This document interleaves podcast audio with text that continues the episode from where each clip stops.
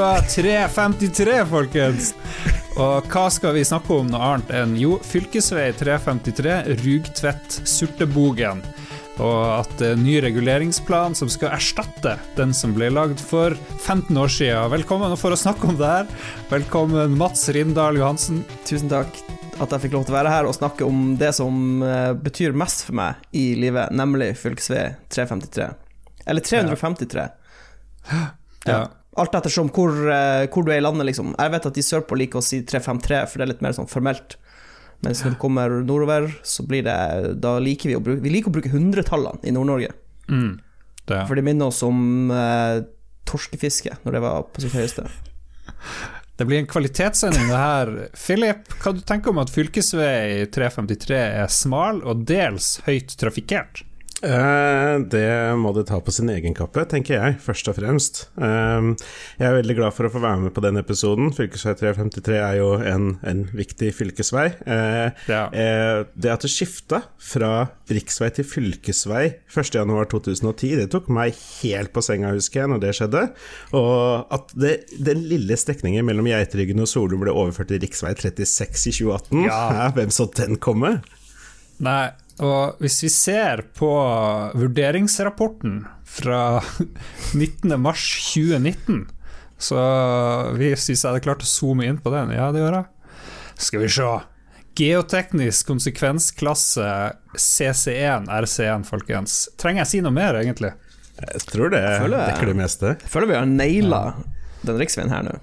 Ja, jeg kan bare skyte inn før vi begynner på noe annet, at eh, geoteknisk prosjekterende er Hirui Gide Hishe, som jo er dagens navn. Ja. Ja.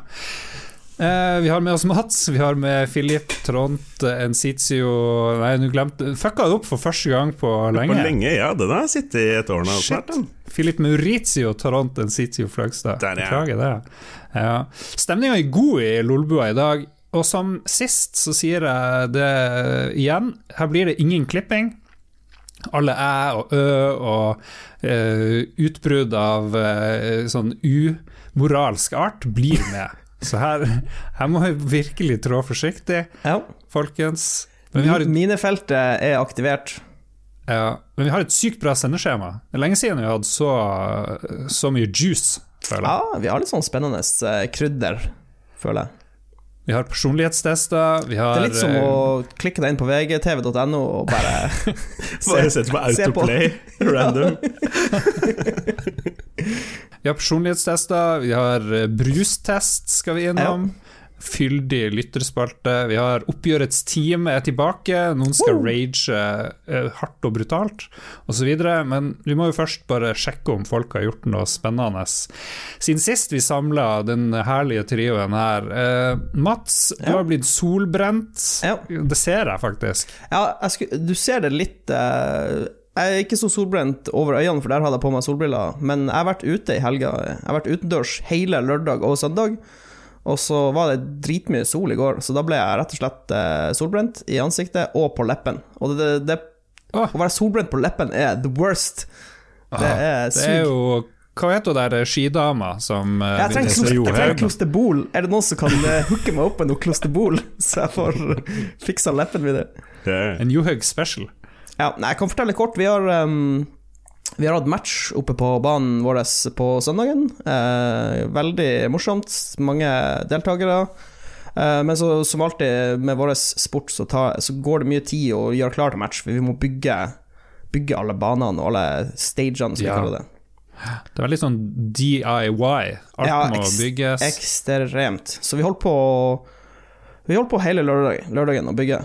Og så skulle vi, skulle vi egentlig skyte For når, når, man, er, når man får sånn her 20 pluss folk som skal delta, så er det greit å ha dedikerte dommere. Eh, For du deler liksom opp alle deltakerne i forskjellige grupper, og så skyter flere grupper samtidig, sånn at du rekker å bli ferdig med alt. Så skulle liksom vi dommere skyte før matchen, noe som kalles pre-match, men så rakk vi ikke det. Så vi måtte liksom skyte litt før, og så dømme alle, i, så tar det sånn her seks timer, og så måtte vi skyte sjøl etterpå, så det ble jo en superlang dag, men det var veldig morsomt. Ja. hva var din plassering i konkurransen? Jeg vant uh, faktisk min What? egen klasse. What?! Number one, baby. Holy Bør, bør nevnes at vi var fire stykk i min klasse. Men, Ja, ja. men faktisk, uh, bare for moro skyld, så så jeg på kombinertresultatene, for du kan gå inn på scoringa og se og legge sammen divisjonene, ikke sant? Og se hvem er best av absolutt alle, uansett klasse. Og det var faktisk meg. Oh, uh. oi, Så ja, jeg gjorde det. Det var en bra dag i går. Alle de timene i Tarkov over vinteren, de paid off. Ja, ja, ja. Nei, ja, Oh det var, jeg følte det, det fløyt bra. Så ja, det begynner å, begynner å kjenne på formen. Går det ikke mye raskere hvis alle bare bruker to pistoler? Så får du skutt dobbelt så mange blinker. Ja, i teorien. Ja, så du kan liksom bygge to baner ved siden av hverandre, tenker du, og så skyte to baner samtidig. Ja, Men du har jo ofte flere blinker du må skyte på, eller er det bare én blink du skyter på? Nei, det er jo masse blinker. Det er jo masse blinker. Ja, jeg, jeg lurte oss egentlig litt på det. Du sendte en snap sånn fra, fra bygging av bane i helga. Sånn. Hvordan er det liksom en sånn Jeg ser for meg en 1000 meter lang bane med masse Nei, hindringer, nei, nei. og så løper du fra hindring til hindring. Liksom, hvordan funker dette her? Er det, Hvis- eller hvis du- sitter du stille og bare skyter på en blink som Nei, du, ut? du, eh, du, springer rundt. Det, det er derfor det er derav dynamisk. Hvis du går på YouTube så, uh, og søker på John, eh, Keanu Reeves, eh, John Wick, et eller annet på YouTube, så har han vært hos en fyr som heter Taron Butler, uh, som er en sånn dynamisk skytter. Og han ble trent opp i dynamisk sportsskyting før de filma inn John Wick. Det var liksom sånn han lærte å, å skyte fort og bytte mål og springe rundt og herje. Så hvis du går på YouTube, så ligger det masse videoer hvor Keanu Reeves er hos en Taron Butler på banen hans, og så bygger de sånne små stager, og så springer han rundt og skyter. Det er basically det vi gjør. Gå venstre, gå høyre, gå frem og tilbake. Liksom. Det, ja. Du skal lage en utfordring til skytteren, rett og slett. Og så skal skytteren løse det på raskest mulig måte. Et hot tips til neste møte er å gi bonuspoeng for Lara Croft-cosplay. Nice. Den liker jeg. Jeg vil også ha en sånn uh, kode eller et eller annet du må vite. Ok, noen blinker kan jeg skyte, noen kan jeg ikke skyte, og så må du bruke tankekraft for å finne ut hva er det jeg skal blaste på, egentlig. Også. Ja, eller du kan ha sånn her eh, Du kan ha et sånn regnestykke på sånn pad, så må liksom trykke inn fasiten fort, og så detter ei luke ned, så kan du skyte blinken. ja, ja. Ja. Ok, det her kan vi snakke lenge om, skjønner jeg, men vi må jo gå videre. Philip, du har, eh, det har skjedd noe dramatisk eh, i ditt liv. Ja, vi får ta, ta den. Jeg har jo slitt litt med å tenke ut hva jeg skal snakke om denne uka, men jeg var ute og gikk her fredag kveld, liksom, etter at liksom, vi har sittet opp en stund og spilt og sett film og alt mulig. Og, eh, går jeg ut og tar meg en røyk, og går jeg en runde i nabolaget. også. da er det vanligvis lite folk ute, men dette var en fredag. Noen ganger er det litt fulle folk som går rundt og, på vei hjem. Og så jeg går med headset på, men så ser jeg en jente som kommer imot meg. Jeg tenker ikke noe over det, men idet vi passerer hverandre, legger jeg merke til at hun ser veldig opprørt ut i ansiktet. Så jeg tar av meg headsetet, og så hører jeg at hun hylgriner. Oi. Og det, og det er sånn Å, ok. Uh, ok.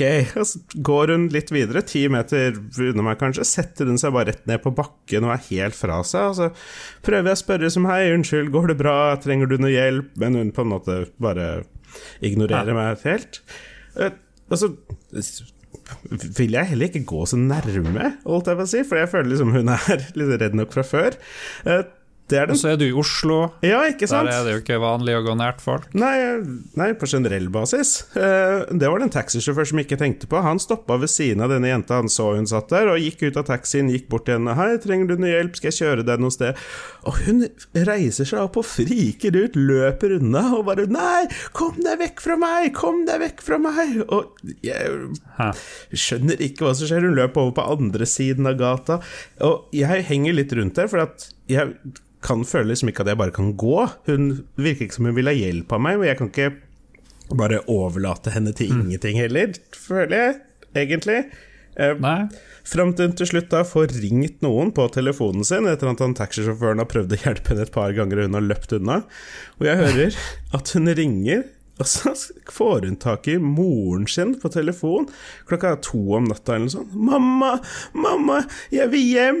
Mamma, jeg vil hjem! Vær så snill!' Og jeg liksom var sånn 'Oh shit, hva er det som skjer?' Liksom, har det skjedd noe skikkelig gærent, liksom. Nå må jeg jo hjelpe. Og så hører jeg henne si 'Det, det er to stykker som, som følger etter meg'. Og da innser jeg at jeg er jo en av de to som hun da liksom friker ut enda mer over, og, og da bare ok, greit, ta på meg headsetet, og så bare går jeg hjem. Da, går, da snur vi og går, folkens. Ja, da var liksom ok, nå Jeg fører åpenbart ikke til noe bra her, så jeg får heller bare krysse Wow. fingra for at det Ja, gikk det, er, rett. det er kjipt, da, for man føler seg litt sånn maktesløs. Man har lyst til å hjelpe, men eh, det er sånn her, eh, liksom, Det er sånn samfunnsgreie at det er skummelt hvis du blir fulgt etter av en mann. Så det er jo trist. Det er jo trist situasjon, egentlig. Ja, er, hun kan ha kjempegode grunner, for all det jeg vet, til å være nervøs for meg eller menn, eller for den saks skyld. Jeg har ingen, idé hva som hadde skjedd i forhånd, eller noe sånt. Det bare, ja, mer som du sier, det bare føles kjipt, for du har lyst til å på en måte Ja, men ja. Du gjorde jo ikke noe galt, høres det ut som. Du gjorde jo alt rett. Man har jo ikke lyst til å stikke av fra folk som har enorme problemer, og, pro og det er jo sikkert verre, og det skjer sikkert oftere at folk bare driter i det de ser, og bare trør forbi, tenker jeg. Ja, Gil- jeg kom hjem og fortalte det til Gildaria, hun bare ja ja, men nordmenn bare er vel ikke så glad i å hjelpe og sånn uansett.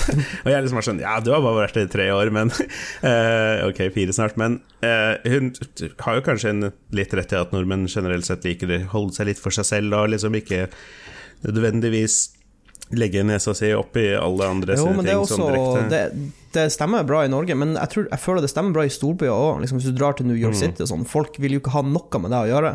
Du, liksom, hvis du går opp og snakker til noen, så blir de jo superfornærma. Så det er ikke eksklusivt for Norge. Ja, du gjorde en fin ting, men så har du også gjort en annen ting, og det føler du Der har du litt mer blanda følelser, skjønner jeg. Jeg søkte på en jobb i staten, på Universitetet i Oslo, som jeg syns virka veldig fin. Um, ja, jeg skal ikke gå for mye inn på det. Det er på et spesifikt, en spesifikk del av, av Universitetet i Oslo. En veldig sånn ålreit jobb med å integrere i uh, forskjellige informasjonssystemer og sånne ting. Virka veldig ålreit. IT-stilling på UiO. Ja, ja. Ja. Jeg kjenner personlig han som har den jobben nå, som skal slutte. Um, og vet at jeg er veldig kvalifisert og alt mulig.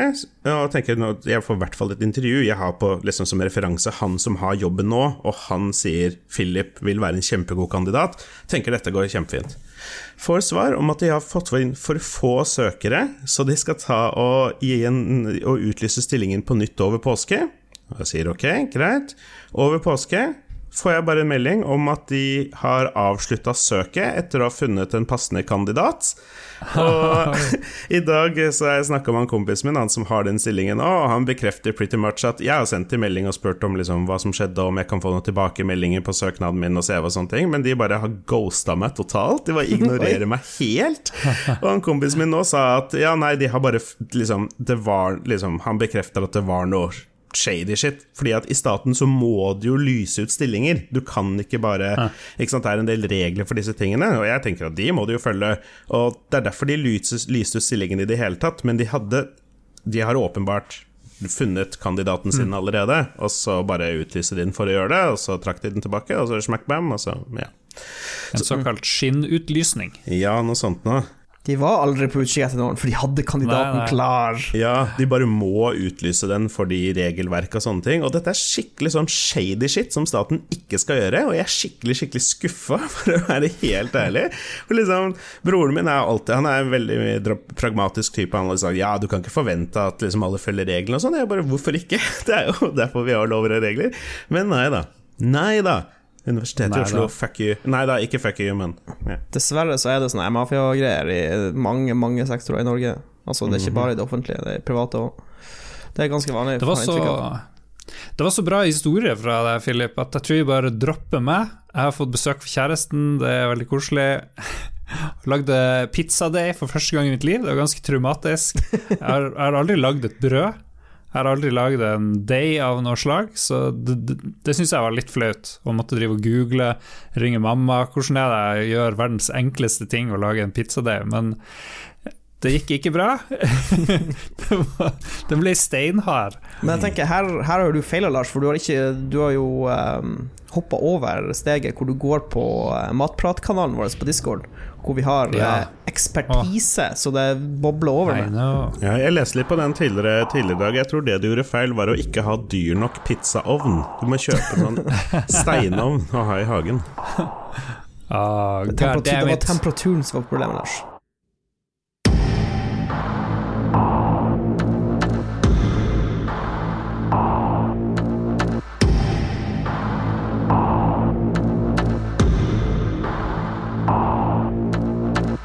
Har kommet en del spill i det siste, og vi har prøvd eh, kanskje eh, et av de mer eh, Goti-vennlige sakene i år. I hvert fall jeg og du, Philip. Hva Mats har spilt? Ja, det er noen gamle klassikere der. Og så er det noe jeg ikke har hørt om før. det her blir bra. Vi kan jo begynne med Returnal. Tenker jeg. Ja. Kan, kan ikke jeg bare si med en gang at Fordi vi spilte jo en episode for en uke siden, da hadde Lars preview av dette spillet, og han snakka litt om det, men det var åpenbart at han at han måtte begrense seg hva han kunne snakke om. Um, og jeg var litt skeptisk til hele konseptet etter, etter liksom, Jeg syns kanskje ikke det hørtes så sjukt fett ut og sånne ting. Men så lagde jo Lars en, en Let's Play som ble lagt ut for, for kun patrions i forrige uke, og den fikk meg ganske hekta. Så jeg var jævlig gira på å få spille i uh, Returnal. Uh, lang historiekort, 850 spenn er en helt sinnssyk pris. Ja, gud, altså. De er prisene der på de next gen-spillene. Ja, en, en, jeg sjekka en DualSense, en ny controller nå, hvis jeg vil ha en nummer tre, koster 799. Det er 50 spenn mindre enn spill... Ja, uansett, altfor mye. eh, Lars tipsa om at det er mulig å få kjøpt via Elkjøp for 650 spenn. Sjekker det. Den bare, har de i Bare 650 kroner? Wow! Bare 650. Ja ja, du sparer jo dritmye, til og med. Um, ja, ja. Uh, selv til den prisen. Den hadde, hadde de sånn fire Elkjøp-butikker i hele Norge, og jeg hadde lyst til å spille spillet i dag. Uh, fikk det til slutt tak i på Power for 8, Nei, 749 eller 750. Sparte en hundrelapp. Okay, ja. Så det er jo litt mm. ja, ja, ja. Hvordan, hvordan, regnes det ut i timespris etter hvor lang tid du brukte på å lete? Det er prinsippsak, Lars. Det er ikke ja, noe Pluss den enkeltbilletten eh, på T-banen. Ja. ja, ja, ja. Alright. Men vi må jo fortelle litt. Det er kanskje noen som ikke hørte forrige ja. episode, som ikke vet hva Returnal er. Hva det er for noe, Philip?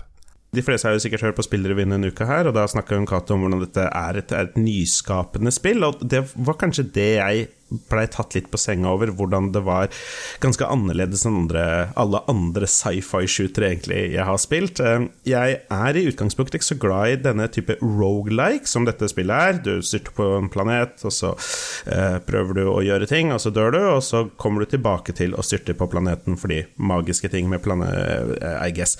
Jeg har ikke følt så godt med, skal jeg innrømme, men dette er en type spill som jeg i utgangspunktet normalt ikke har så mye tålmodighet med. For jeg liker mer variasjon, jeg liker mer spesifikk progresjon i spill og sånne ting. Men, um, men dette, er, dette, er, ganske gøy. Det er, en, det er en ganske ny take på hele sci-fi shooter-sjangeren, som byr på flere på måte, elementer, både den rogelike-greia og bare hvordan gameplayet fungerer, um, har tatt, tatt, meg litt på senga. Så da må jeg bare ta tilbake skepsisen jeg hadde i forrige episode. Jeg har lagt noen timer i det nå denne uka her, selv om jeg ikke har klart å drepe første boss ennå. ja, jeg fulgte jo med deg på din første gjennomspilling på Twitch. Du streama, det var veldig bra, det var veldig artig å følge med, og du hadde jo en, et OK publikum. Jeg kunne jo hjelpe deg litt, men jeg angra litt på at jeg drev og sa liksom, hva ulike ting gjør, fordi det er jo et spill hvor du skal oppdage ting sjøl, egentlig. Men jeg klarte ikke å dy meg, jeg måtte liksom være liksom besserwisser og si nja, kanskje det er noe hemmelig der, eller Backstreet uh, Gamer. ja. Nei, back Backstreet Boys. Uh, ja, jeg tenkte på Backstreet Boys. Jeg savner Backstreet Boys, gutta. Hvem gjør ikke det, da? Ja. Ja. Nei, men du krasjer på en planet, og så må du liksom begynne med det hver gang du dør, men du kommer jo lenger og lenger. Forklaringa fra Housemark, eller litt av det de tenker, tror jeg, er at det er meninga at du skal dø ganske mange ganger. Det er ikke sånn at du skal springe gjennom hele spillet på ett forsøk, fordi hver gang du kommer tilbake til et tidligere område med nye krefter, så får du nye cutscenes, okay. du får uh, nye måter å traversere ting på, for å bruke et fantastisk ord. Det er ikke gøy hvis du dør for mye, da. Men, uh, så jeg håper, jeg håper Philip klarer boss nummer én, da før du gir opp, for det, da åpner det opp ganske mye eh, ganske umiddelbart med hva du kan gjøre. Og Sånn. Ja, riktig. Ja, fordi mange har sikkert spilt en av de fjorårets mest populære spill, Hades, som er en mer eh, tradisjonelt rogelike, hvor man gjør et run, og så dør man, og så starter man helt på nytt igjen.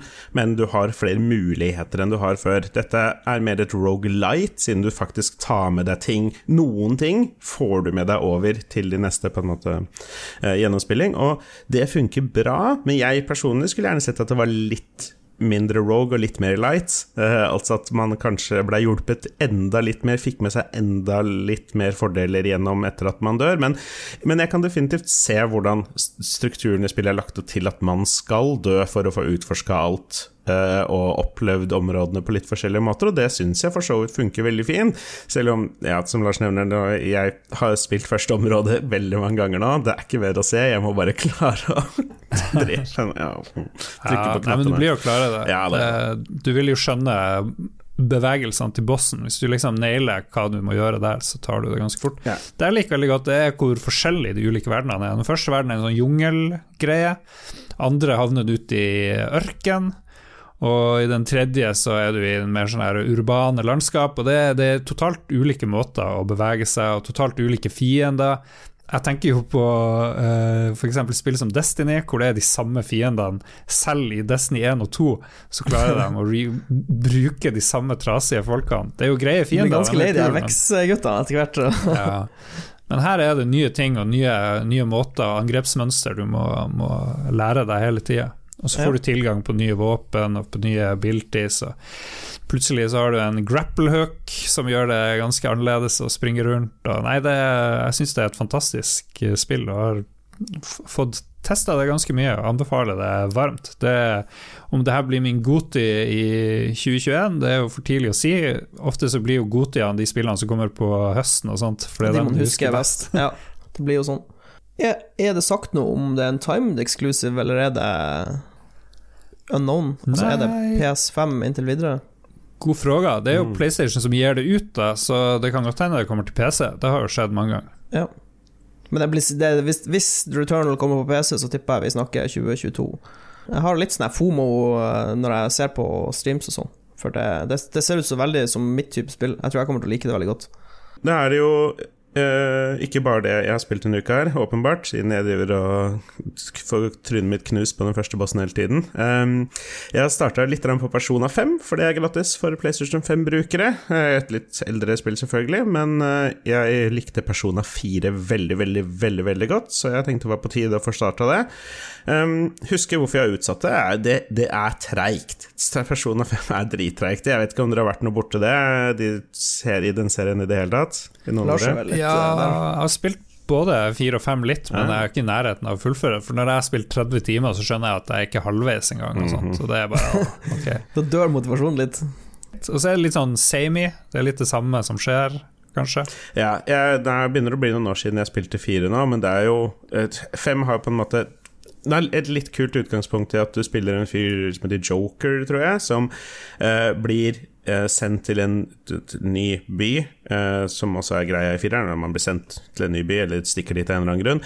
Men i femmeren så stikker han dit fordi han er prøveløslatt fra fengselet, fordi han er anmeldt for et overfall som han ikke gjorde, eller noe sånt noe. Det var en dame som skulle bli voldtatt, og så stoppa han det, og så blir han anmeldt for noe, og så bla, bla, bla. Det er noe drama, drama der også, som jeg ikke har fått dukka noe særlig ned i ennå, fordi jeg har ikke kommet så langt. Eh, det blir nok veldig med jevne mellomrom-type eh, spillet mitt, tenker jeg.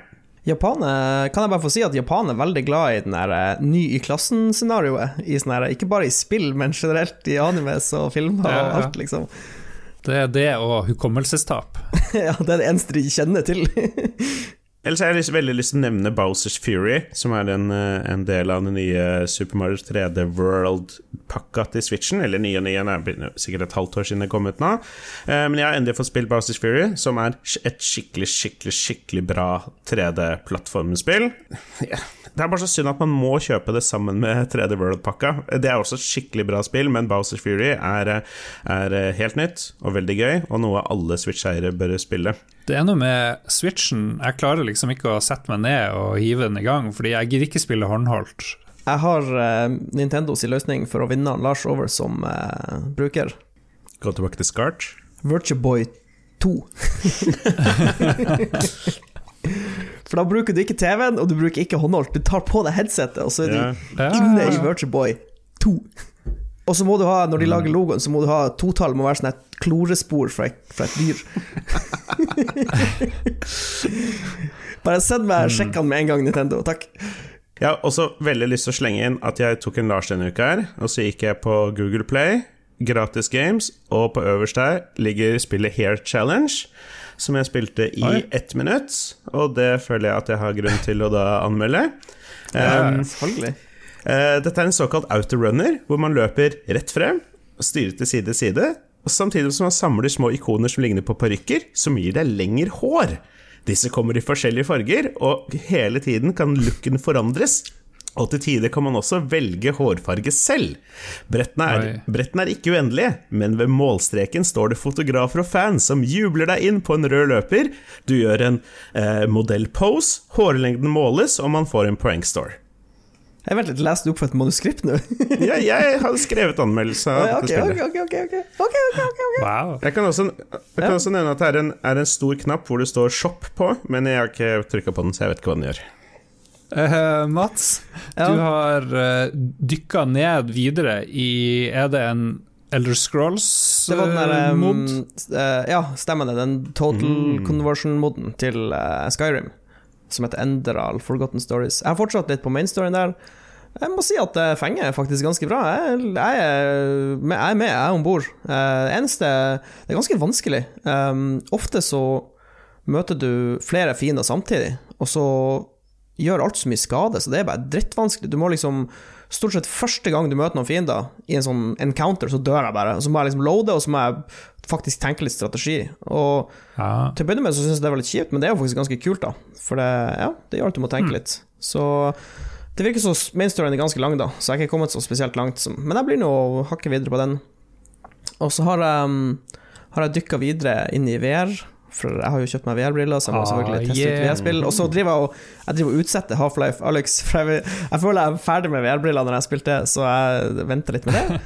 Så jeg kjøpte et spill på Steam som heter Hotdogs, Horseshoes and Hand Grenades. Det er et Hmm. super Skal vi gjette, skal vi Ja. gjette hva det er først? Gjett hva dette Eh, er, Philip? Eh, dette er en type Dette er en plattformer. Ok. Ja, Jeg tror det er en variant av Worms, bare i 3D. Du kan kaste hotdogs, hand grenades og horseshoes. Lars, du er faktisk superdupernært. Uh. Det er litt sånn Litt av navnet så er det flere spill i ett. Det er sånn eh, masse forskjellige minigames. Så du kommer inn i en sånn stor hall, en sånn silo, og så har du masse sånne spill du kan velge mellom. Og så har, har han bare liksom lagd forskjellige scener, som han kaller det. Så du har liksom Du har et minispill hvor du skal bare, rett og slett bare kaste håndgranater på et sånn stort eh, galleri med mål, med sånn tog og biler som rører på seg. Eh, og så har, har han lagd eh, Nå er jo ikke dere så inne i uh, våpenverden, men det er en sånn YouTuber som heter Hickok45, som er en sånn her eh, superchill gammel dude som har en YouTube-kanal hvor han driver og bare skyter forskjellige våpen og snakker om dem, og bare er en veldig sånn holdsom fyr. Og han har en sånn bane som han alltid filmer inn på, som er hans personlige skytebane, hvor han har eh, forskjellige mål, og så har han en sånn gong som er lagt opp i bakken, og den, den banen er liksom legendarisk på YouTube innenfor våpenverden. Og han fyren har lagd den eh, banen inne i spillet, da, så du kan liksom være på Hickok 45 sin bane og teste forskjellige våpen. Og, så ja, okay. det er morsomt. Men det må jo være folk som er gun eh, lovers, som lager sånne VR-ting hvor du kan fære og skyte alle mulige våpen som Ja, det som du er ellers kult ikke ville fått. det som er veldig kult med VR eh, og våpen, eh, er at du kan eh, Du kan manipulere våpnene mye mer realistisk, og så kan du eksempel, Hvis du holder en pistol i VR, så bruker du baksiktene og forsiktene. Ikke sant? I et, i et dataspill så vil, vil det bli altfor komplisert, så når du sikter ned i et i et 2D, vanlig 2D-spill på en skjerm, så er jo siktene lina opp, men i VR så må du jo vinkle pistolen sånn at forsiktet ligger mellom baksiktene. Og så har du, hvis du har en kikkert på våpenet, så kan du liksom holde rifla litt unna deg, så er kikkerten veldig liten, og så tar du den nært øyet. Så kan du lukke igjen det ene øyet hvis du bare vil se gjennom kikkerten, eller du kan ha begge øynene åpne. Så blir det sånn at, sånn som i virkeligheten, hvis du har begge øynene åpne, og du holder oppe en kikkert, eller et, et, en eh, optikk foran øynene dine, så, så blir det en sånn slags sånn ghost-effekt, at det er nesten så den er litt sånn gjennomsiktig, men det dominante øyet ditt vil se gjennom kikkerten, på en måte. Så det er utrolig spesielt og vanskelig å forklare, men det fungerer dødsbra i VR, hvis du har to øyne, vel å vel å merke. Åh, shit. Det er jo- det er jo Ja, Nå fornærmer de vi alle med ett øye. Ja, ja. herregud, Nei, men jeg syns synd på Ja, altså, det er jo Ja, men det er kult. Um, men det er jo sånn gimmick-spill, da, så jeg, jeg tipper at uh, når du har holdt på der inne i noen timer, så vil jeg tro at det kommer noen oppdateringer, og så kommer du tilbake og sjekker det ut, men ikke sånn her eh, logge på hver dag for å teste det ut. Det tviler jeg på. Og du gjøre meg en tjeneste? Ja. Ja, unnskyld. Nei, jeg skulle bare komme med ei lita oppdatering eh, angående VR, fordi jeg snakka jo om VR-headset i forrige episode, når jeg hadde spilt Ja. eh, One Must Fall eller Until You Fall eller et eller annet. Det var sånn der eh, sverdspill. Og så sa jeg at oppløsninga var ganske bra, ikke sant? At, eller at jeg var overraska over hvor lite grov den var. Men det må sies at eh, i det spillet der, hvor du hovedsakelig er én meter unna motstanderen og slåss med sverd og driver dukker og sånn, uh, kontra et spill hvor du skyter og sikter på ting som er langt unna, så merker jeg nå eh, med Oculus Quest-headsetet at det er ikke verdens høyeste Aha. oppløsning. For det blir f.eks. hvis du skyter på noe som er 200 meter unna, la oss si det, så er det ganske kornete. Fordi det er bare så mange piksler, ikke sant. Så jo lenger unna det du skal fokusere på blir, så blir det Det blir kornete, det gjør det. Så jeg tenker at uh, jeg må bare kjøpe et nytt headset, da. Nei, men pla planen var hele tida Altså, når neste generasjon kommer, ikke den som er nå, av de Top Dog-headsetene, så skal jeg oppgradere. Men akkurat nå så syns jeg dette headsetet fungerer veldig bra. Det er ikke noe, det er ikke noe at det ikke fungerer, liksom, for det gjør det absolutt. Men jeg må, må kommentere at ja, oppløsninga ble litt grov. Men Mats, Ja. Du veit hva vi lurer på? Angående VR-headsetet. Å ja, ja, uke to. Nei, fortsatt, uh, i, uh, fortsatt ikke gått inn i uh, smøtteverden med headset på. Jeg det- nekter å tro det her. Hva er det som skjer? jo, men Det ligger en verden med VR-porno foran deg, og du bare Ja, men griper herregud, ikke alt, tak i den. sin tid. alene. Jeg tror ikke Det blir Du som kan en, det blir som en naken god rundt i hele huset. Det blir som en god vin, gutta. Men jeg har, jeg har, eh, for å si det sånn, eh, med Oculus Quest Jeg snakka jo litt om det forrige uke, og jeg, jeg er helt amazed hvor bra det fungerer, men det er Guardian-sonene som du tegner opp. Jeg forstår ikke hvordan hvordan vet liksom headsetet så nøyaktig hvordan rommene er, og hvor man tegner den opp? Det er bare helt mind-blowing. Eh, Så jeg har jo den største spille-guardian-sonen min er jo ute i stua. Så jeg driver jo og vaier og kaster og hiver meg rundt der i stua. Så jeg lurer på de som går stien langs sjøen, når de ser opp i stua mi og ser han Mats med VR-headset bare stå og fekte i stua. Det må jo se helt amazing ut. Så jeg håper jeg, håper jeg dukker opp på noen snaps eller noe sånt.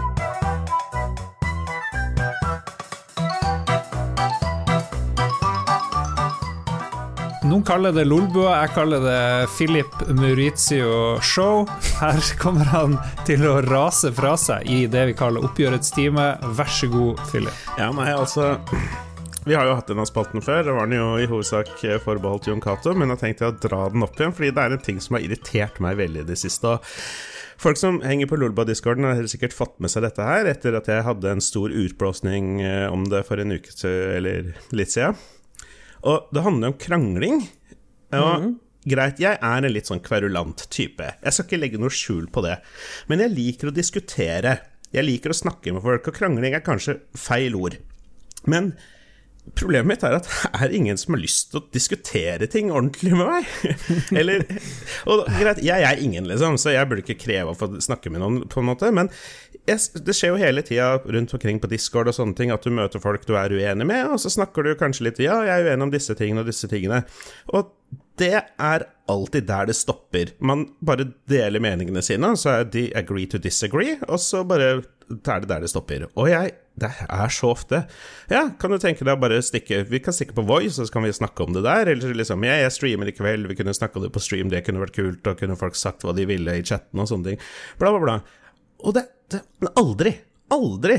Og det burde ikke være vanskelig for meg å finne folk å krangle med. Jeg er ganske progressiv, og selv om jeg liker kapitalisme, er jeg uenig med masse på høyresida og liberalister osv., samtidig som at jeg ikke er så langt til venstre at jeg sluker alt som populære youtubere som Deserves og uh, Hassan Abi gir av sånne overfladiske takes, kun basert på hvordan de fremstår og optics. Uh, det ser du, GME, eller den GameStop-greia som var nettopp, og brexit lider av samme greia. Man bare får en idé, uh, uten å liksom se hele bildet. Og da bare sitter man og kritiserer ting uten å ha noe forslag på løsninger eller noe sånt noe. Det er ingen som uh, Brexit, man bare ville bli kvitt liksom utgifter på ting, og så Oi, alt gikk til helvete. GME, å, kapitalister er slemme, det er sikkert noe fælt som skjer her. Egentlig så var det ikke det. Og så, hvordan burde man fikse aksjemarkedet, da, hvis det er så ille? Ja, nei, jeg veit ikke. Å ja, fordi du ikke veit om aksjemarkedet, du vil bare kritisere folk. Uh, Så, det er bare sånn Nå hører jeg Nå øker temperaturen her gradvis. Jeg liker det. Ja, fordi det er en sånn generell sutring som bare tar livet av meg. Jeg er så lei. Hvite menn i midten av livet må være verdens beste sutrere. Et par eksempler. Nå med vaksiner så er det masse prat om de onde kapitalistene i legemiddelselskapene, så om hvordan de ikke deler fritt av patentene på covid-vaksinene sine, så alle andre kan lage sine egne. Ok, greit. Det hadde vært fint med flere som blir vaksinert, for å redde menneskeliv, jeg er helt enig, men mange har en sånn rar idé om at det er staten som er grobunnen for all støtte til forskning til medisiner, som potensielt, potensielt kan produsere noe som gjør oss friskere. Og det er firmaene som legger alle disse pengene i, i den type forskning som gjør dette til faktisk brukbar terapi og medisiner. Det er bare disse to tingene man må ha i hodet på en gang, for det går ikke an å sitte på den ene siden og bare si at oi, det hadde vært fint hvis alt hadde vært sånn, fordi hvis alle legemidler skulle bare fritt, fritt gi fra seg patenter på den måten, så har vi ikke den type styrke når neste bølge kommer, og da er vi fucked. Eh, noe litt mer spillrelatert, noe litt nærmere Lolbua. Eh, jeg hang en del Sorry for å calle de litt ut, men jeg hang en del på Spell-discorden, og de har en haug med skikkelig, skikkelig bra folk. Drithyggelige folk. Men plutselig en dag der, så var det den store Sony er ondskapen selv-dagen, hvor Sony fikk masse dritt, spesielt da for å legge ned PlayStation 3-storen sin, som ikke bare fjerner muligheten for å kjøpe spill der, men også laste ned Day One-patcher. Jeg stilte da noen spørsmål om hvorfor dette egentlig sutres over, fordi Sony har allerede gått tilbake på det, de skal holde den åpen. To, man kan fortsatt kjøpe de spillene man vil før sjappa legges ned. Og tre, hvem er det som hvor lenge kommer til å trenge day one-patcher til PlayStation 3-spill? Kommer det fortsatt ut nye titler der i det hele tatt, bortsett fra kanskje et annet Fifa eller noe sånt? nå? En ting som må nevnes er seg når jeg diskuterer sånne ting, så forsøker jeg å speile energien til den jeg snakker med. Eh, det er ikke vits å gå hardt om den andre er mer laidback. Så jeg spurte disse tingene på en rolig og ålreit måte, tror jeg, og som tilsvar får jeg 'Å, legg ned crackpipa, Philip'. Ok. For da, det som skjer, da, at det er skuffende å se feigheten i å ikke svare på det som ble tatt opp, men isteden avfeie det som forsøk på humor. Så jeg svarer 'Sier du jeg røyker crack bare fordi jeg er brun?' Som også da er et forsøk på humor. ikke sant? Ja, dere ler fordi det er åpenbart, ikke sant? Og det oppfattes selvfølgelig ikke som humor. Og plutselig så er jeg ditt og datt, og jeg kaller de for rasister, jeg får masse rart slengt etter meg, fordi herregud, jeg er så teit som ikke klarer å ta en vits engang. Og sånn slutta den interaksjonen. Ok, det var litt av en salve, det var godt forberedt. Jeg føler du hadde det her klart. Nå er vi skal, nå er ikke oppgjørets time et sted hvor vi skal drive og krangle med den som gjør oppgjørets time, så det kan vi ta senere. Men eh, noen lærdommer her. Eh, å diskutere via å skrive meldinger, utrolig dårlig forum for å egentlig utveksle ting, i hvert fall i chat. Mm, Der tror jeg, jeg er ganske enig. det er sjelden man får frem ideen sin 100 i tekstformat. Ja, da, så da skjønner jeg jo at Da skjønner jeg jo in, invitasjonen til å liksom snakke videre om det. Så, ja. ja. for det, har sin, det å diskutere på chat, det har, sitt, det, det, det har sin bruk, definitivt. En, to mennesker som bare snakker seg imellom, det kan fungere ganske fint, sånne ting, men, men ting kan definitivt eh, bli borte. Og hvis det er flere enn to stykker, så er det mye bedre å gjøre det på Voice. Ja, men jeg vet ikke om jeg, ikke om eh, jeg ville liksom calla noen ut. Hvis, la oss si jeg er på en discord, og så snakker med noen, og så er vi uenige, og sånn, og så sier jeg jeg vil komme på Voice og snakke om det. Og hvis de sier nei takk, så føler jeg ikke jeg kan bli fornærma, liksom. For det er jo, hvis jeg ikke kjenner de så godt, så kanskje de bare ikke har lyst til å snakke med meg på Voice. At de er litt sjenert, eller Det kan være mange faktorer. Og her begynte det å skli litt ut. Jeg bare kutter hele påfølgende debatt. Vi tar diskusjonen videre i Lolbua-discorden, folkens. Eh, vær snill med hverandre, respekter hverandre, osv. Det er ikke sånn at man må gå i chat med voice-chat med Philip hvis man ikke vil det, men det kan være interessant å høre reaksjoner på det han sier her. Vi skal anbefale ting, folkens. Vi har en spesialseksjon her. Det kan vi ta til slutt. Vi skal teste den nye colaen uten sukker fra Coca-Cola Company. Sikkert lisensiert av Ringnes, eh, hvis det er sånn som det bruker å være. Men først noen vanlige anbefalinger som skal gjøre livene våre eh, mer eh, lykkelig. Jeg kan gå kjapt ut. Jeg anbefaler sursøt saus som du får kjøpt i alle butikker i ulike varianter. Jeg har gått for Coop Extra-varianten, tror jeg det er. En svær, svær halvliters uh, flaske med sweet, sweet sursøt saus. Altså, det er sånn ferdig, gjør, du bare varmer den opp, liksom? Er, du bare drysser den over ferdig rett, så vil jo retten varme opp. Det er flytende form, det er ikke pulver så du blander opp med vann? Og... Flytende, det er, det er bare å mose den ut av tuben, så er det alt du trenger. Der, og det gjør jo 90% av alle retter bedre. Ja. Jeg har spist utrolig mye vafler i det siste, Lars. Er det noe du anbefaler å kombinere? Oi. Ja, det vil jeg tro. Den litt søte, milde vaffelen med, med sursøt saus og pølse, f.eks., mm. tror jeg er helt, helt topp. Hva du tror du om eh, kombinasjonen babymais og sursøt saus, Lars? Åh, det er jo skapt, skapt for hverandre. Nå snurrer jo Cato hvor enn han er i Norges land, så bare leviterer han og snurrer rundt 1000 omdreininger i sekundet. Ja. Ja, vi har glemt å si, som vi har gjort i siste sendingen, Jon Cato er borte. Han er fremdeles eh, i fengsel. Hva er siste nytt der, Mats? Nei, altså, jeg fikk, jeg fikk, jo som sagt eh, sånn kryptisk svar på faks, eh, så jeg tenkte ok, faks er litt for høyteknologisk, så jeg har sendt et brev med C-post, men som mm. kjent så er jo postgangen ikke den raskeste i Norge, så jeg tror post, brevet har kanskje kommet frem, men jeg har ikke fått svar.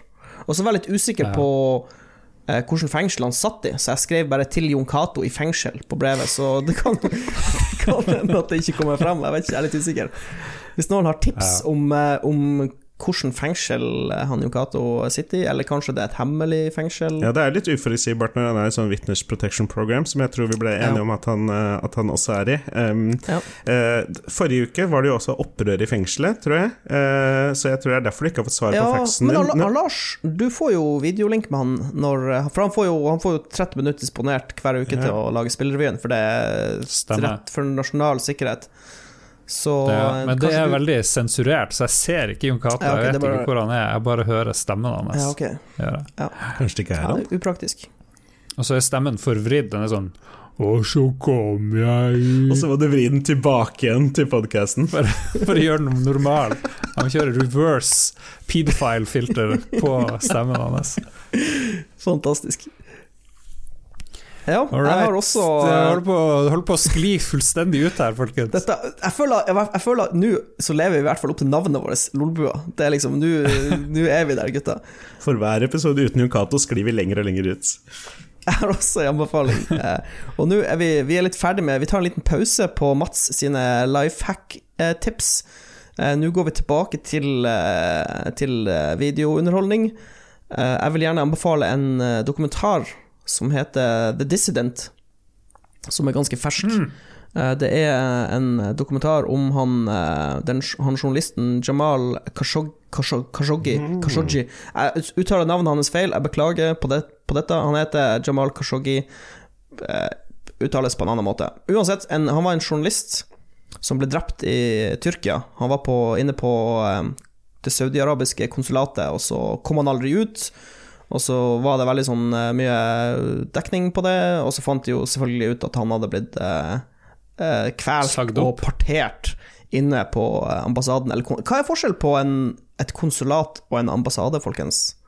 Sånn. Eh, det finnes bare én ambassade, så kan det finnes mange konsulat. Ok, Jeg tror kanskje dette var et konsulat, jeg er litt usikker. Det var i hvert fall i Tyrkia det skjedde. Og så, kom, og så gjorde Tyrkia ganske grundig undersøkelse, så fant de masse, masse, masse, masse videobevis og fysiske bevis på at han eh, Jamal var blitt drept der inne. Så dette er en ja. da, dokumentar som tar for seg det, men også andre ting. Eh, det er lagd av um, en fyr som heter Brian Fogel, som er ganske kjent, eh, for han lagde en dokumentar som heter Icarus. Jeg vet ikke om dere har sett den?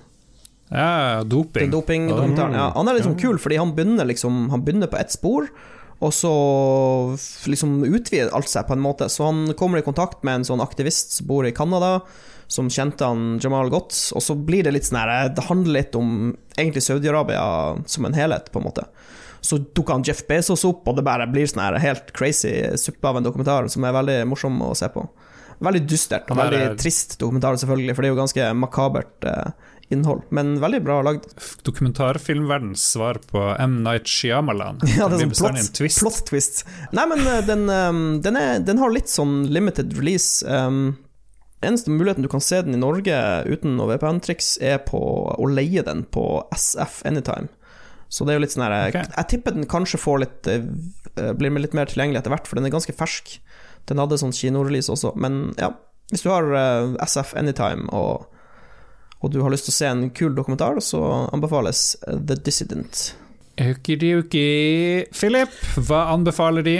Forrige uke så snakka vi jo en del om The Circle sesong to, som er fantastisk reality-TV. Um, planen min var da å gjøre ferdig det, og så starte på noe nytt jeg har sett på Netflix, og få anbefalt det denne uka. Men så viser det seg, om, det viser seg at The Circle er ikke ferdig før til onsdag. Så den sesongfinalen må vi vente litt på. Så da velger jeg isteden å gå tilbake til 2009. Da kom det ut en film som heter The Exam. Og den så jeg tilfeldigvis her for et par måneder siden. Eh, jeg har ingen idé om hvordan den ble mottatt når den kom ut. Den er som sagt 11 år gammel. Men det er en veldig kul eh, psykologisk thriller. Holy shit, jeg har sett den filmen her, faktisk. Å ja. Ja, jeg måtte google den. Ja, den er kul. Ja, for det, det var mer det at jeg, jeg fulgte ikke med i 2009, og jeg har ikke googla hvordan det ble mottatt i 2009. Uh, uh, det er ikke mange knappetrykk unna. Men det er jo da en film hvor det er en jobb i et stort firma som på en måte er utlyst eller noe lignende, og det er eh, åtte kandidater, tror jeg, som blir kalt inn til da det siste intervjuet til en eller annen mystisk, høythengende stilling i verdens kuleste firma-type.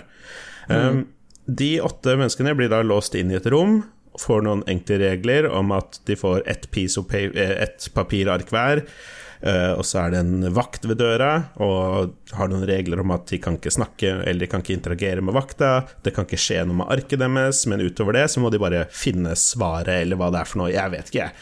Eh, husker ikke helt den biten, og så settes det i gang. Og det er noen inside men, og hva måte svaret er, er vanskelig å finne ut. Hva spørsmålet egentlig er, er vanskelig å finne ut. Samarbeider de litt etter hvert, og så blir de jo da tatt ut én etter én etter én. Det ligger jo litt at det er en psykologisk thriller, og så vet jeg ikke hvor mye mer man kan si uten å spoile, men uh, hva er det du husker, Mats?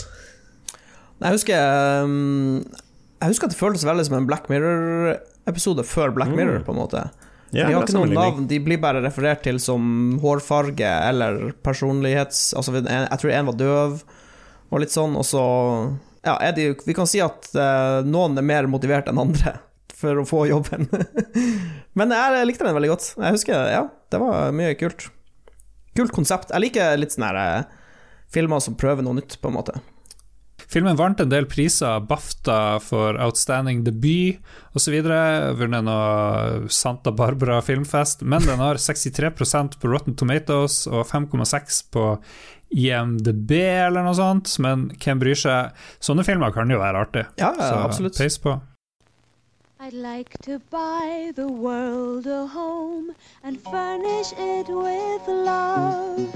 Grow apple trees and honey bees and snow white turtle doves. I'd like to teach the world to sing. Sing with me.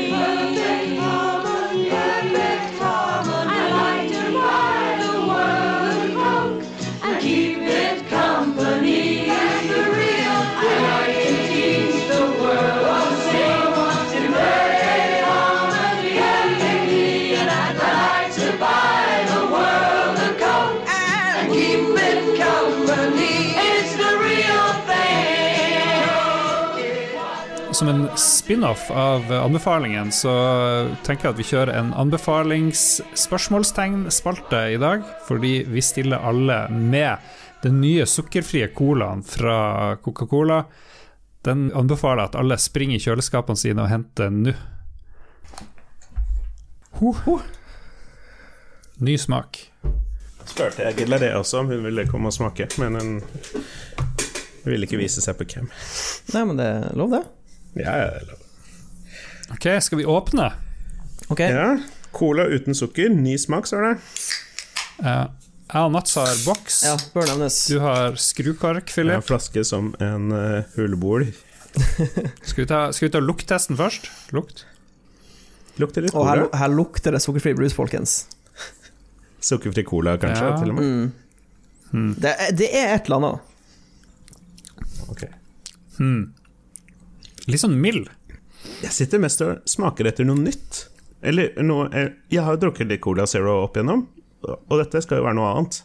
Ja, det skal være noe annet. Okay. Jeg syns ikke det var noen sjokkerende forskjell. jeg må, jeg må si at um, jeg drikker jo Jeg drikker ganske mye cola, men jeg drikker bare vanlig cola med sukker. Jeg drikker veldig lite cola uten sukker, som det heter nå. Uh, jeg må si dette smaker som cola uten sukker, og jeg kjenner ingen forskjell til Jeg er litt skuffa, jeg må si det. Jeg, Jeg trodde, jeg trodde det skulle være en helt ny smak, men jeg syns bare det smaker som vanlig Cola Zero. Men vi må jo svare på spørsmålet kan vi anbefale det her. No! Vi går over til lyttespalten, alle sammen. Vi har fått en drøss med solide innspill her av ulike ting. Jeg kan begynne med Trond sin Four Borgersen. Fisking, sier han.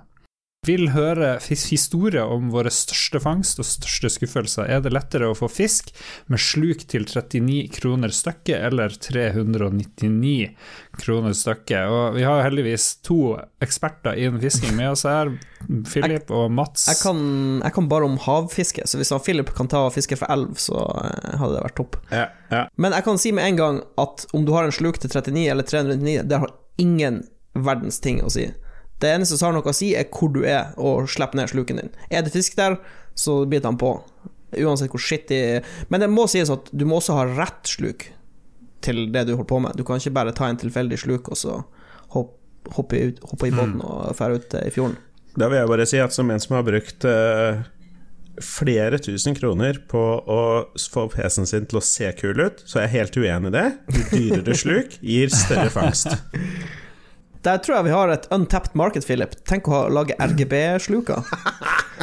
Ja, det fins sluk med lys. Eh, jeg tror kanskje jeg har det, men det anses litt som juks, tror jeg. Okay. Kanskje. Ja. Ja. ja, for fisken blir så jævlig nysgjerrig når han ser det blinkende lyset. ja, det er sikkert det. Og så Sist jeg var fiska, det var oppe i Finnmark, i Kautokeino, var på isfiske. Og isfiske har jeg absolutt ingenting til overs for. Det virker Det er litt kjipt, for du må Ja. putte på sånne maggot eller uh, ting på de her krokene. Du skal liksom dekke hele kroken helst med, med mark, sånn at fisken bare Å, shit, her er det It's game It's time, og de bare spiste på.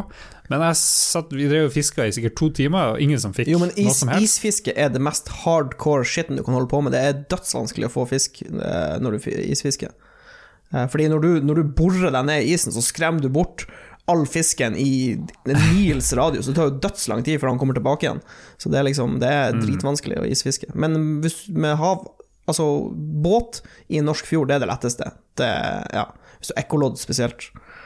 Men ja, min, min historie er Når jeg var liten, så fikk jeg stor fisk. Når jeg er voksen, så er det bare den ene skuffelsen etter den andre. Jeg tror hvis du har en fyr som aldri har fiska før med deg i båten, så får du fisk. Eh, hvis dere er erfarne fiskere, så får du aldri fisk. det er min teori. Hvis du har med deg et lite barn som kan ta i stanga, så, så kommer du til å få en stor jævla fisk. Det er fasiten. Jeg liker det her. Ja. Det er veldig scientific, som vanlig. Vitenskapens podkast. Simen Rudiløkken, for å ta, ta en ny lytter. Han spør noe litt interessant. Hva er deres absolutt drømmejobb dersom relevant utdanning, erfaring eller kunnskap ikke var en hindring? Ok, jeg vil være han fyren eh, i kontrollrommet som trykker på knappen, så får raketten til å ta fyr og gå opp i verdensrommet. Jeg vil ha den jobben. jeg vil ha, jeg vil ha 1,2 mill. i året for å trykke på en knapp og bare se raketten gå Det er min drømmejobb. Ja, det er bra. Jeg liker det. Ja. Philip, drømmejobb. Jeg har eh, Det er sikkert mange som hører på dette, som har hørt på Radioresepsjonen. Jeg synes de har på en måte drømmejobben.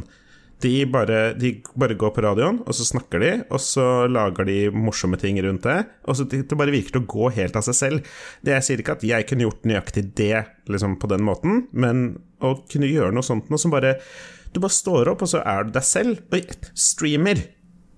Jeg kunne bare stått opp og streama i ti timer om dagen samtidig som jeg spiller PC, og så tjener jeg gode penger på det, og så er det greit. Oh, ok, oh, jeg må oppdatere min uh, drømmejobb. Våpeninstruktør på filmsett for sånne skikkelig store actionfilmer. Det er legit Oh. min drømmejobb. Hvis jeg kunne vært det, så hadde jeg vært eh, verdens gladeste gutt. da jeg var liten, så skrev jeg liste over ting jeg ville bli da jeg var stor. Jeg var det forsker, det hørtes veldig interessant ut. Det har jeg slått fra Bare sånn generell forsker. Ja, bare du får sånn labfrakk og Så det, men det er ikke lenger drømmejobben. Men jeg hadde også filmregissør, tror jeg, og dirigent for et orkester. Og i, akkurat i dag så kjenner jeg dirigent hadde vært superbra. For det, da får du, da får du stå, stå på jobb, eh, fysisk aktivitet, og så tror jeg du får en viss sånn magi hvis du er dirigent. Du får en sånn weird Du kan ha sånn langt, crazy hår, du kan se Ja, men litt sånn hva, rufsete ut. Jeg har, jeg har ekstremt gode nyheter. Jo eldre du blir, jo større er oddsen for at du kan være dirigent. Fordi alle dirigentene er 1000 år gamle, så det er ikke Ja. for sent. Jeg er stygt, Det stygt redd for at du ikke vet så mye om hvor mye jobb som ligger i utover å stå der og veive med dirigentpinnen. Staven. Men den delen virker kul. Det kan, Du, ok, jeg lurer på en ting. umulig være så vanskelig. Jeg har et eh, kontrollspørsmål, Lars. Ja. Eh, Hva heter den lille pinnen dirigenten veiver med? Den heter dirigentstokk, eller noe sånt. Jeg er skuffa. Den har flere navn. Ja. Ja. Nei, jeg tenkte den hadde Og et sånt dirigentstokkene, jeg så det programmet på NRK uh, hvor de snakka om det, med hun der språkdama. ja. Heter det bare det dirigentstokk? Ja, det het, har sikkert flere navn, Jeg men var- før var det jo en stokk. Det var en dirigent som sto og slo takta i bakken med en svær ja, stokk. ja, han hadde sånn Gandalf-stav, liksom. Ja, ja, ja. Var, Gandalf var dirigent opprinnelig, Ja, tror jeg. som kjent. Yeah. Hvis det er mulig å legge til flere ting, vil jeg være Hvordan skal jeg si det? Jeg vil være prøve på skole hvor jenter frivillig drar for å lære å bli bedre til å tilfredsstille menn seksuelt. Maker det noe sens? Wow! Nei, det var spesifikt. Du vil være lærer på skolen. Ikke lærer, jeg vil være et prøvedukke, holdt jeg på å si. Men det høres så passivt ut. Jeg hadde lyst til å si blowjob-konkurransedommer, men det høres så ekkelt ut. Jeg tror ikke det finnes heller, Philip. Ikke for å skuffe deg, men Det, hø det høres ikke bra ut uansett hva du sier nå, Nei, det Mats, det finnes ingen som står i kontrollrommet og bare har som jobb å trykke på skyte ok, skyteoppdrag. men, men vet du hva som finnes? Våpeninstruktør på filmsett. Det finnes. Det er, eh, arbeid, det er stilling. Ok, vi går videre, folkens. Eh, Martin Pettersen vil at vi skal snakke om fly. Det kan han sette pris på. Ja, så kan vi, vi kan knytte det sammen med hans GM, snakke om flytårn og vår kunnskap rundt flytårn. Og jeg foreslår at vi prøver å ringe s- hva han heter, Ståle Baldvinsson. Mens han Lars ringer Ståle, så vil jeg bare fort skyte inn. Jeg fikk anbefalt en YouTube-kanal, jeg vet ikke hvorfor jeg fikk det. Den heter Growling Sidewinder, og handler om flysimulatormiljøet, hvor eh, eh, forskjellige folk flyr i DCS, som er en sånn hyperavansert simulator, og så får han sånne piloter til å fly, og jeg vet ikke hvorfor jeg fikk den anbefalt, men det var en ganske kul YouTube-kanal hvis du liker fly, så ja. Det var kjapt pro tip. Hallais. Hallo, Ståle. Hvor det går? Hjertelig velkommen til Olbø episode 352, er det det? Stemmer, Nei, stemmer bra, Tre, tror jeg. 353. Så bra. 353, Jeg har unnskyld, ikke peiling. sier Mats. 353 er greit. Ja, men det høres riktig ut. Ja. Ja.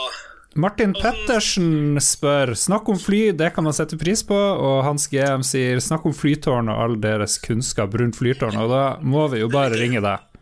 ja, det skjønner jeg. Nå står jeg og sender noen på fotballtreninga, men jeg har jo alltid tid til å svare om fly og flytårn.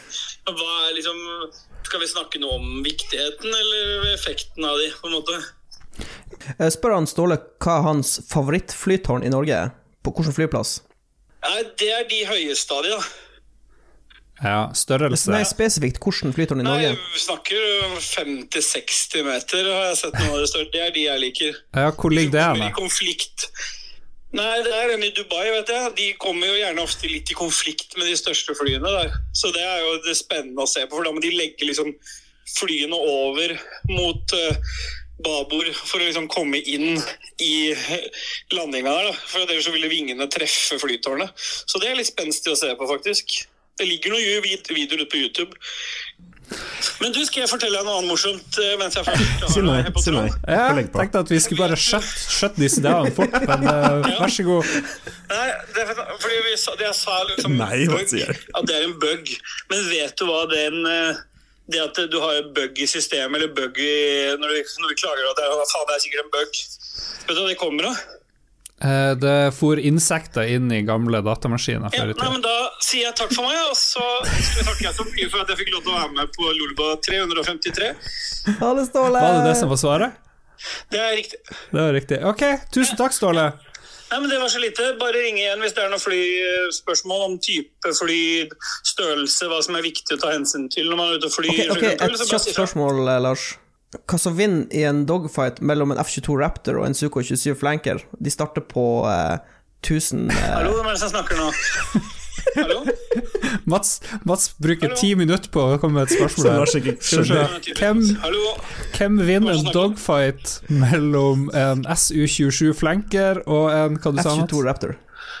F-22 Raptor? Ja, det blir Raptoren, da. Ja, ja. vet alle åssen en raptor uh, angriper. Og for, hvis du har sett de siste Jurassic Park-filmene, så har man jo, eller Jurassic World, da har man jo helt åpenbare Det er jo derfor det er inspirert av raptornavnet. Så da vet man jo av de filmene at raptorer angriper jo i flokk med og kommuniserer seg imellom. Så de er jo definitivt best på de sånn type angrep. da. Det er jo derfor det navnet er brukt. Clever girl. Ok. Ja. Clever girl, sier Mats. Veldig bra. Clever girl. Yes, yes. Yes, Ja, tusen takk, yes. flyekspert Ståle Balvinson. Alltid en glede å ha deg med. Jo, det var hyggelig å få være med også. Hva har du i glasset, Lars? Jeg har uh, ny. Cola Zero uten sukker. Kjempebra. Ja, men Da takker jeg for at du ville være med i Lolbua 353, Lars. Tusen hjertelig takk. Takk for at jeg fikk være med. Ha det bra. Ståle, folkens. Det gikk så det måtte gå. Det skjedde ting, folkens. Trond Trollestad, vår kjære troller, han sier at uh, min Activision-konto ble hacka og solgt. Alle kamo og skin som han har spilt altfor mange timer for å få, er borte. Og han får ingen sympati i heimen, for det her er jo et spill eh, det dreier seg om, eller det er flere spill, og det kan han bare kjøre på på nytt. Kanskje han bare burde være glad, kan spille alle spillene på nytt. Så spørsmålet hans er ferskvann eller sjø? Og Jeg vet ikke helt hvordan jeg skal tolke det. Er det snakk om hvor det er best å drukne seg sjøl, eller hva er opplegget? Wow. Det er dark. Sjø, selvfølgelig. Ferskvann er jo bare en stor dam, eh, mens sjøen er det viktigste i livet. Hva skulle vi gjort uten havet? Fra jeg var liten, så var det alltid kaldere å bade i det lokale ferskvannet enn det lokale sjøen. Så sjø. Der tror jeg det er helt motsatt her oppe i Nord-Norge, men ok. Eh, Morgan Slang eh, sier bare Yakuza. Dette sier jeg kun fordi jeg nettopp har startet opp med franchisen og tenker mest på meg selv. Ja, Jeg begynte å tenke på de her gangsterfilmene fra Japan hvor det er mye yakuza. De er jo ganske kule. jo, men da ser jeg heller en av de filmene, ikke sant? Da setter jeg meg ikke ned og spiller Yakuza. Nei. Drit i yakuza-spillene. Joakim Strandberg han vil gjerne høre en vurdering. Hva som har størst fremtid av DisplayPort og HDMI? Vil DisplayPort overta hegemoniet også på hjemmeelektronikken, i takt med at folk forventer bedre bildesignaler? Også de nyeste Far Cry 6-ryktene, selvfølgelig. Eh, kort svar eh, HDMI, fordi det har større Det har bredere støtte, og det har fått en nyere oppdatering i HDMI 2.1, eller hvor Jeg vet da faen hvor langt de er kommet, men per nå så er den, den, uh, den, den ferskeste utgaven HDMI er den vasseste. Rikard Martinsen Koteng han har et spørsmål som dessverre pga. tekniske oh. problemer så falt det ut. uh, så vi klarer ikke å lese det. Så beklager der, Rikard. Magnus Eide Sandstad han sier tre ord, og så tenker jeg hvordan vil vi uttale det? For det, det, kan, det er liksom mystisk. Han bare skriver tre, tre ganger det samme ordet. For meg så er det Yes, yes, yes. Jeg tenker bare yes, yes, yes. Okay. Jeg tenker på The Fuglen. Yes. Ragnar Veien Tundal. Er det, no, er det lov til å hete Veien? Uansett, han lurer på hva skjedde med gudesimulatorsjangeren. Han husker når Black and White kom ut, som var en liten revolusjon for AI. Og så skulle man tro at de har lagd noe utrolig bra i samme sjanger i dag, som nå som teknologien har utvikla seg. Og svaret er vel at han eh, Hvis han er eh, banditten Peter Molyneux kunne, så hadde han fortsatt, men han, han gjorde noe sånn helt absurde, teite ting, husker jeg. Det var et eller annet. Han prøvde å fortsette med gudegreiene. Hvor de skulle Ja, han lagde et spill som het Goddess. Ja, hvor det var en sånn tilfeldig person som skulle vinne, eller et eller annet, og så skulle de få masse penger, og så ble det bare masse kvalm og dritt. Men, men svaret er Peter Molyneux skjedde, han er en dritt, og han drepte sjangeren. Uff da. Jeg, jeg, jeg googla Black and White nå, bare sånn, eller tidligere i dag, bare sånn for en oppfrisker, og det var et skikkelig kult konsept. Basert på sangen fra Michael Jackson, så det vet ikke alle. ja. En av de bedre spillene basert, basert på én sang. Vi må snakke om gjeddefisk, er det noen som påpeker, fra Rage Quit. Det tror jeg vi bare driter i. Per Kristian Serteskar. Eh, Vogg kommer 22-5 til D2. Det er sikkert 22. mai. Det er sikkert noe Destiny 2-greier. Å ja, Vogg kommer 25. mai til Destiny 2. Volt, Volt of Glass, kanskje? Volt of Glass! Oi, så lur du er, Mats. Ja. Oi, det gikk fra, gikk fra å være en ting vi ikke skjønte, til å bli en kul nyhet. Men uh, ja, altså, Volt of Glass er jo det kuleste raidet ever i Destiny, så ja, kanskje man Helge. burde sjekke det ut. Det er ikke så mye som er kulere enn å sitte med noen kompiser og kjøre gjennom Volt of Glass, så det anbefaler jeg alle å sjekke out. Eh, Ok, og så har vi Trygve Bjelvåg, da, som har kommet med et, eh, en, en personlighetsquiz for å finne ut hvem av oss som er eldst og yngst i Lolbua. Så er det bak betalingsmur, og så har han kopiert inn svarene i, i eh, Lolbua Entourage. Jeg har liksom delte meninger. Bryte betalingsmuren. Jeg vet ikke, men det er jo for science, Ja. Det her. Ok, det er ti spørsmål, er det? Som skal finne ut hvor gammel vi er. Ja, det er da en, en skribent for, eller en person som har lagd denne, denne testen i Aftenposten. Si-det-ansvarlig Amilie Lering, som er vel den ungdomssatsinga til Aftenposten. Eh, ti spørsmål med fem alternativer på hvert spørsmål, hvor man får en poengsum, legger sammen poengsummen sin og får til slutt da hvor gammel man er i skallen, type. Ok, utsagn.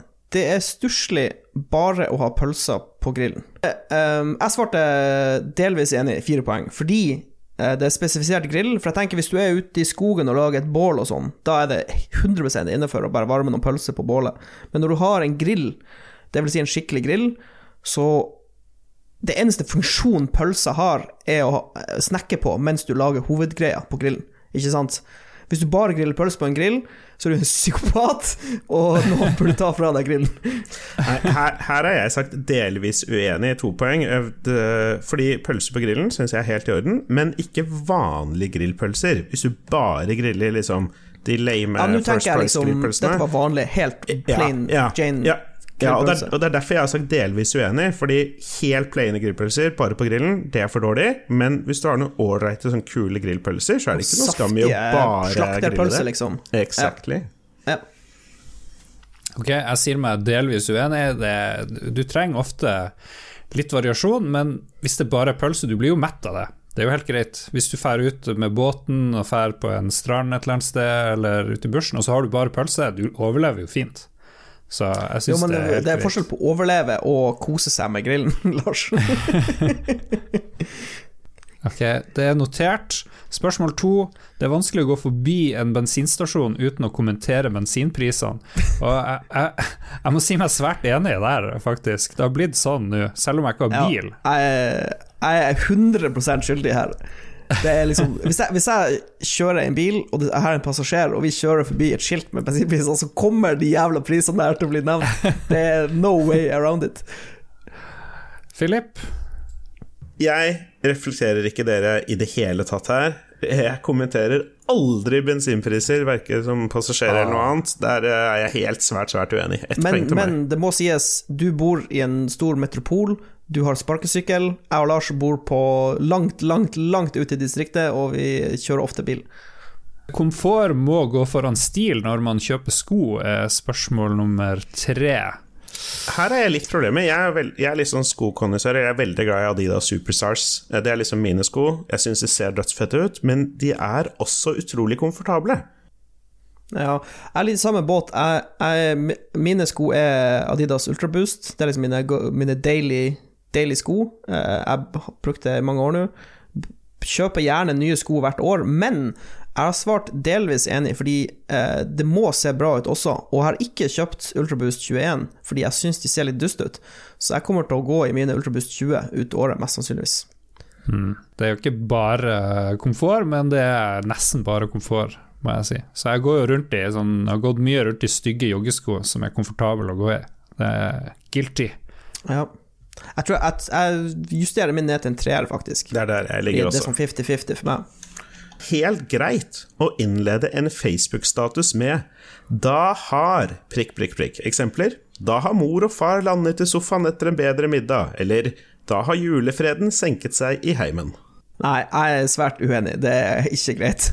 Men jeg hater Facebook, og jeg liksom har aldri Facebook-statuser. Jeg syns det er helt forferdelig. Så jeg er bare motstander generelt. Ja, Når jeg ser noe sånt, så tenker jeg at jeg er sjukt gubbete. Ok, jeg, jeg kan, kan ikke tenke meg å skrive sånne statuser. Men er man gammel, eller er man ung, da? Det, Jeg tror du er gammel. Vi... Du er svært gammel når du har sånne statuser. Eh, grovbrød smaker bedre enn loff. Her kan jeg bare si med en gang, svært uenig. Loff er jo amazing, og hvis du foretrekker Altså, selvfølgelig er grovbrød er jo sunt og bra og sånn, men nå er det bare snakk om smak, og da Ja. er jo loffen det beste. Ja, jeg må si meg enig der, Mats.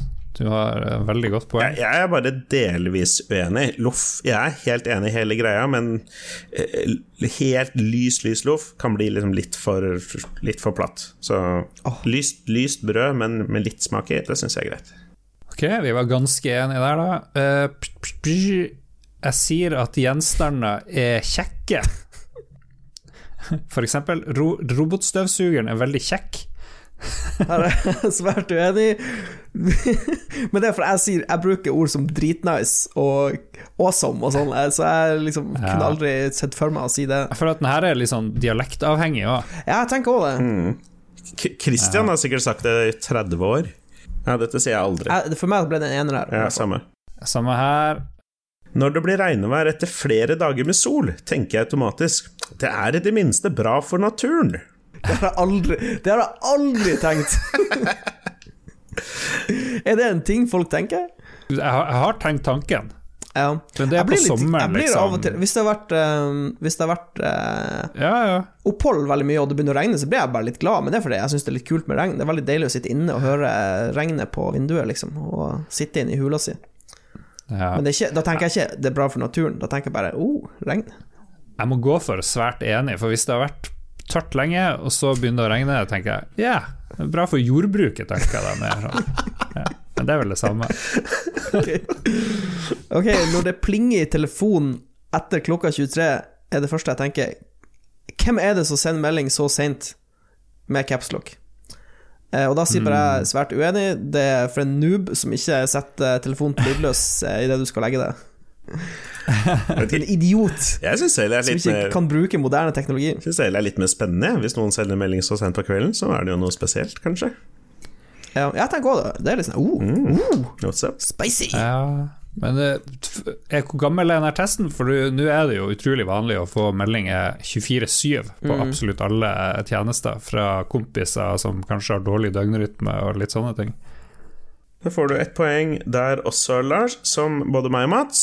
Nå har vi bare et par igjen. Når jeg kommer inn til noen som sitter i et litt mørkt rom, utbryter jeg automatisk 'Sitter dere her i mørket?' Og det, vil jeg si det, jeg er den personen som sitter i mørket. Her, drar, her dras jeg opp. Jeg tror jeg får min eneste femmer her. Fordi hvis jeg kommer inn og sitter tre stykker i en stue, og det er ganske mørkt, så jeg, jeg er ikke fremmed for å si 'sitter dere her i mørket', føler jeg. Ja, det er jo litt sånn dad jokes. Ja, det er, liksom, ja, det er sånn foreldreting å gjøre. Ja. Nei, Jeg er nok delvis enig.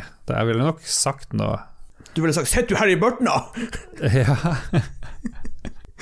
Ok, siste fråga. Eh, Når man får en lang SMS, er det helt innafor å svare kort og konsist OK i lowercase uten noen som helst eh, form for punktum? Eh, her vil jeg også si meg eh, svært uenig. Det er psykopattendenser hvis du gjør det. Det er liksom Det er ikke OK. Men hvis du har veldig mye jobbmeldinger, da er det litt fristende av og til å skrive OK, selv om du vet at det her virker Sleng på en emoji, så blir det, Ja. så blir det mindre brutalt. Ja, OK, komma, Ja. takk, et eller annet. Jeg er nok på delvis uenig der. Eller at du, må- eller at du sier ja. liksom at uh, OK, eh, er litt opptatt nå, kommer med lengre svar senere, eller et eller annet. Bare Ja. sånn. Ja, jeg, jeg, jeg må si det, det er ikke innafor i det hele tatt. Nei, det er bare ikke skrive. OK.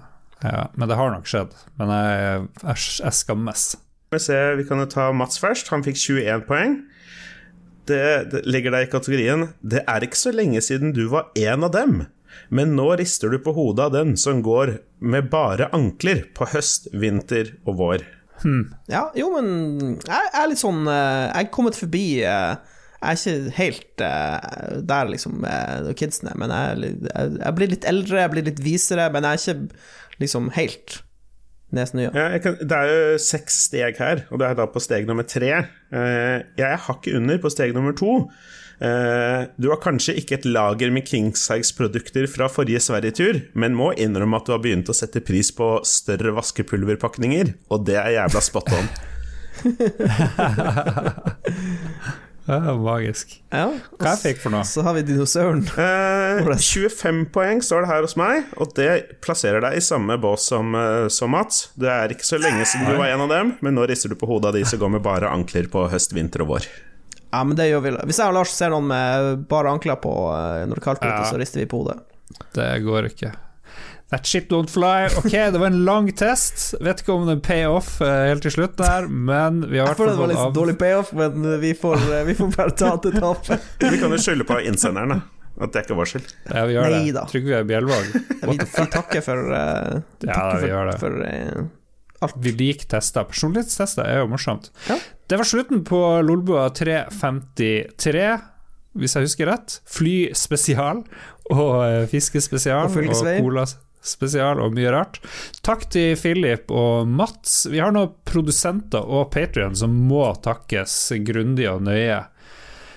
Det gjør gjerne jeg denne uka her, fordi disse produsentene våre setter vi så pris på at navnet deres bør sies langt og kraftig. Det er TTMXMP, Kobrakar84, Duke Jarlsberg, Anne Beth, Jarle Pedersen og Stian Skjerven pluss en haug med andre folk som støtter oss på Patrion, som eh, vi forhåpentligvis gir noen kule greier til, tilbake til. Men tusen, tusen takk for det. Ja, tusen takk. Folk må høre på Ragequit. Takk til Ståle for hans bidrag i sendinga. Folk må høre på Likos univers med featuring gjedda. Veldig morsom podkast. Kommer sånn cirka annenhver uke. De, det kan komme flere episoder hvis de gidder å klippe sjøl, har jeg hørt nyss om. Så gutt og boys, dere må lære å klippe. Det er et helvete, men eh, det er verdt det. Da får dere sprute ut syv episoder i uka hvis dere vil. Åh, tenk. Det hadde vært helt uh, fantastisk. Dere, også, du kan støtte oss på Patrion og bli lest opp osv. selvfølgelig. Patrion.com slash lolbua. Hørspillrevyen osv. Er det noen siste ord, Mats? Eh, Hva du vil uh, sende folk hjem med denne uh, uka? Jeg har, jeg har noe, faktisk. Vi har glemt å nominere et nytt spill til spillklubben. Ja! Så jeg, hadde, jeg, har, jeg har et forslag. Hvis vi kan nominere et spill til spillklubben, så vil jeg gjerne nominere The Stanley Parable. Eh, Men om vi kan utvide vinduet på spillklubben til jeg kommer tilbake fra jobb, så det blir altså på en måte tre til fire ukers spillklubben. Er det innafor? Ja, ja. Ja. Det går helt fint. Da sier vi The Stanley Parable. Ja, det, det høres kult ut. Jeg, jeg, har jeg, jeg kommer sikkert tilbake til det, da, men jeg liker jo spill som gir meg nye opplevelser som andre spill ikke har gjort før, og det gjorde definitivt eh, The Stanley Parable. Morsom historie. Jeg har ikke spilt The Stanley Parable, men jeg har hatt det i Steam-biblioteket mitt siden det kom.